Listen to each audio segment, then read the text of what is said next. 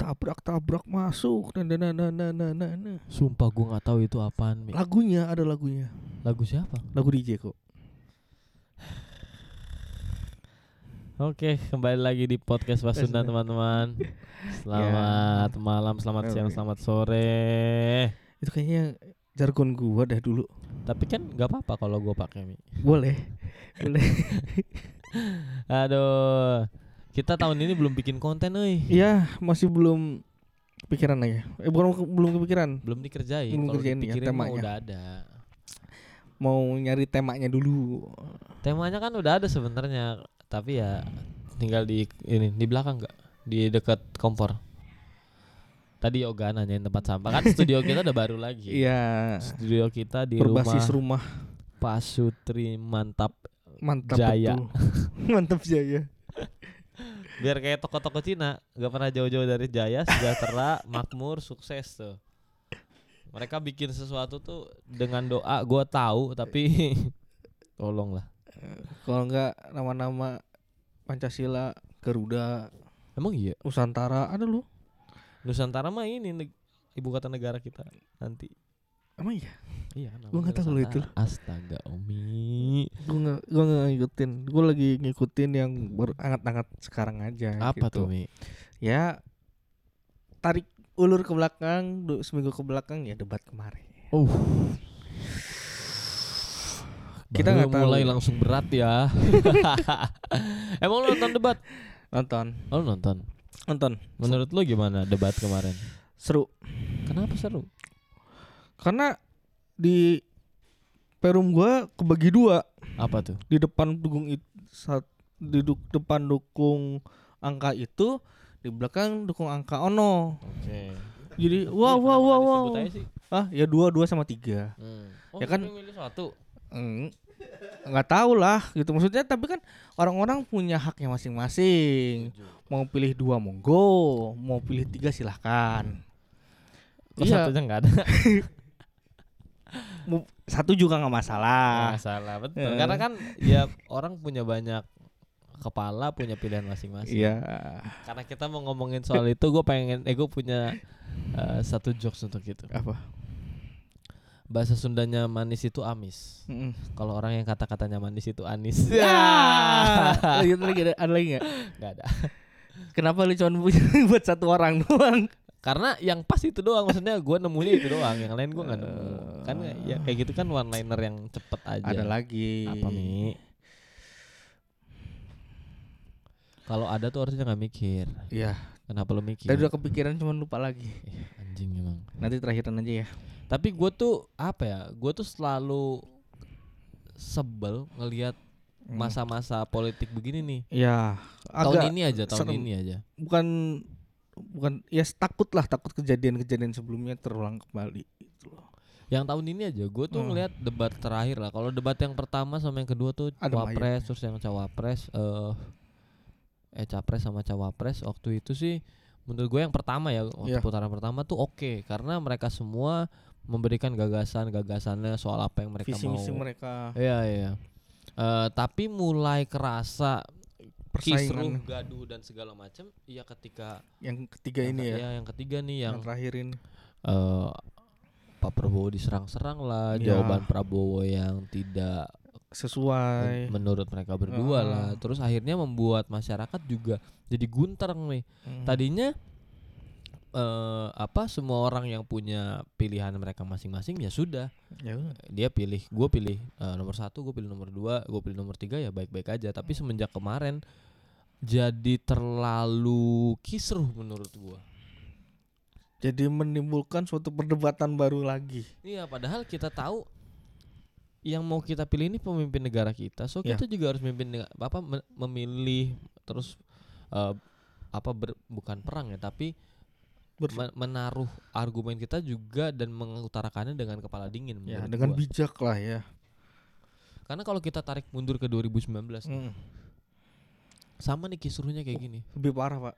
Lebih, parah. karena cuma dua paslon. Ya dua dua paslon dan masing-masing dari background mereka agak ya mereka tahu sendirilah. Ya dan ya itu perang terus. Iya. terus, eh, perangnya sih bukan kayak eh, tembak-tembakan Enggak. nggak kayak di Papua sana perang ya. argumen. Eh kok dibahas kan nggak apa-apa kan? Ini Kan- memang tidak seperti Papua kan? Enggak Maaf. ya udah maaf tapi maksudnya banyak terjadi gesekan yang nggak penting gitu akhirnya Iya. tuh membuat eh, paslon waktu itu ya 2019 Satu satu dan dua juga kita kita yang mendukung satu Mm. ataupun dua jadi nggak nggak nggak tenang kesel bawaannya ngelihat orang Iya. yang beda sama kita bawaannya pengen marah dan ketika semua itu udah lewat udah kepilih siapa presidennya mereka Iya. baik-baik aja nggak ada yang ini ya udah kalau gitu dan bahkan yang paslon yang gagal tuh dijadikan menteri akhirnya Iya dan kita yang tadinya dukung satu, dukung dua, pun akhirnya ketika presiden sudah terpilih, ya udah gitu, damai lagi, tenang lagi. nggak ada nggak ada pecah belahnya jadi bersatu lah Iya jadi kayak kesimpulannya tuh kalau kita tarik ke kehidupan kita sehari-hari ya kadang Iya. kekris- kekisruhan yang terjadi di hidup kita pun itu tuh karena kita buat-buat sendiri. Iya. Kayak yang kemarin kita ngomongin tuh minggu lalu soal memprediksi apa yang akan terjadi di masa depan adalah dengan cara membuatnya. So ketika kita juga membuat diri kita selalu dengan gelisah, selalu dengan ketakutan, anjir nggak ada damai men di hati kita. Bawaannya tuh takut, bawaannya tuh kita nggak bisa santai dengan berpikir. Orang-orang yang kita anggap waktu kemarin mengambil keputusan untuk melakukan hal-hal bodoh, eh, ya hal-hal bodoh tuh hal-hal yang nggak seharusnya dilakukan manusia pada umumnya. Hmm, Mereka tetap pilih. Itu pasti karena mereka tuh nggak tenang dalam diri dia. betul Kenapa betul doang? ya mau apa Argumen lu mana? lanjut dulu lagi mikir argumen ya Banyak dari anak-anak muda deh sekarang. Kayak dia angkatan gua aja. banyak yang nyalek ya Banyak. Iya banyak lagi. Ya. Teman-teman gua banyak banget yang nyalek. banyak banget Tapi bukan masalah nyaleknya. Kayak ng- ngomongin soal ini aja deh. Di pabrik Hmm. udah nggak banyak orang yang mikir untuk cabut dari pabrik mencari pekerjaan yang lebih baik, mencari gaji yang lebih baik. udah nggak ada yang mikir Gak ada karena setelah omnibus law, Hmm. waduh, pak, lu tuh cabut dari pabrik sampai dengan meninggalkan sesuatu yang udah pasti lu akan dapat uang sampai lu mati gitu sampai lu pensiun, terus lu keluar dan pindah pabrik dengan uh, Ah. hal yang belum tentu lu bisa diangkat. Itu tuh itu tuh keresahan luar biasa lo buat buat karyawan. Nah itu kayaknya kalau kayak gitu gue juga sering deh baru-baru ini malah. Kenapa tuh?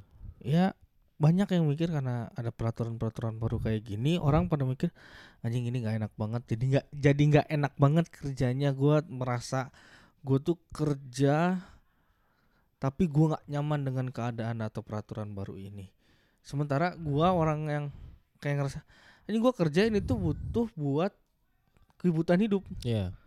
gue nggak daripada gua mikir anjing gue daripada gue mikir sama kayak gitu dan hati gua nggak tenang dalam bekerja mending gua nggak usah Dan lu damai nggak dengan itu? gue damai aja gue damai banget kan? gua gak mikirin orang mikir ah udah biarin aja orang punya hak untuk merasakan ya sendiri sendirilah Iya dan dan dan dan apa yang mau kita bahas hari ini adalah mereka-mereka yang selalu ngeluhin itu. Maksudnya eh, Iris Wadidis gitu. Lu Iya. tuh hidup di di negara ini, lu hidup dengan peraturan itu. So, ya udah lu lakuin aja yang terbaik. Percaya deh.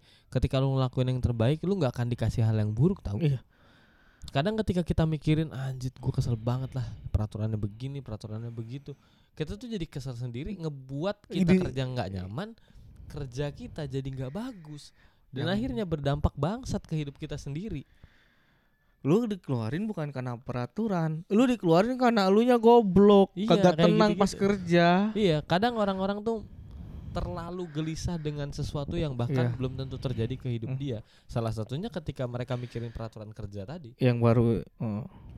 mereka terlalu takut untuk un- untuk untuk di apa dihilangkan penghasilan mereka. Tapi apa yang mereka lakukan pun juga bukan hal yang bagus karena akhirnya mereka lebih fokus dengan peraturannya, lupa bahwa mereka punya tanggung jawab besar untuk menyelesaikan pekerjaannya juga supaya mereka tetap bisa lanjut dalam pekerjaannya. Di dunia kerja tuh gitu banget. Iya. Gua meskipun gak nyaman dengan hal-hal meskipun dalam artian banyak ha- hal yang gua keluhkan gitu Hmm. ya. Kalau gua ya mikir aja ke yang tadi gua bilang gua mikirnya ke depannya gua kerja bukan bukan buat gue sendiri tapi buat keluarga gue gue mikirnya kalau misalnya gue nggak kerja ngapa? Apa yang apa bisa, yang bisa? dikasih kan? Iya. iya iya. Dan dan dan harusnya jadi manusia itu mentingin itu tuh. Iya.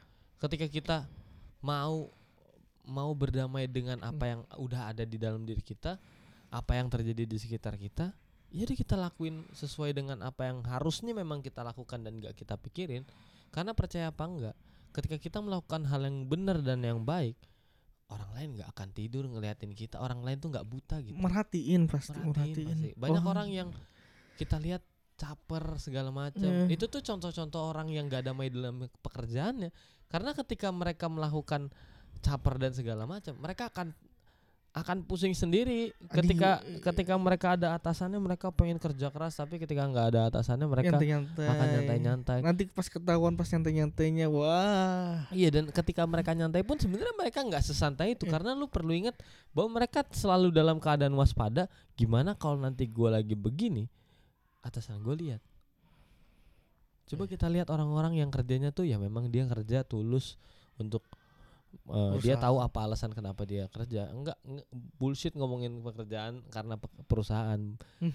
Lihat orang yang benar-benar kerja karena mereka butuh uang yang mereka butuh apa yang jadi penghasilan mereka. Mereka akan kerja sesuai dengan pekerjaan mereka. Mereka nggak peduli apa yang akan dilihat sama atasannya. Mereka akan kerja dari pagi sampai sore dengan ritme yang sama, dengan energi yang sama. Tapi orang yang pengen kelihatan bagus biasanya malah jadi capek sendiri iya mereka akan lelah performs di awal, di tengah-tengah mereka kecapean, di akhir mereka akan performs lagi pulang capek, di rumah marah-marah. nggak damai hidupnya. Gue pernah lagi pak kayak gitu pak Parah lu anjing.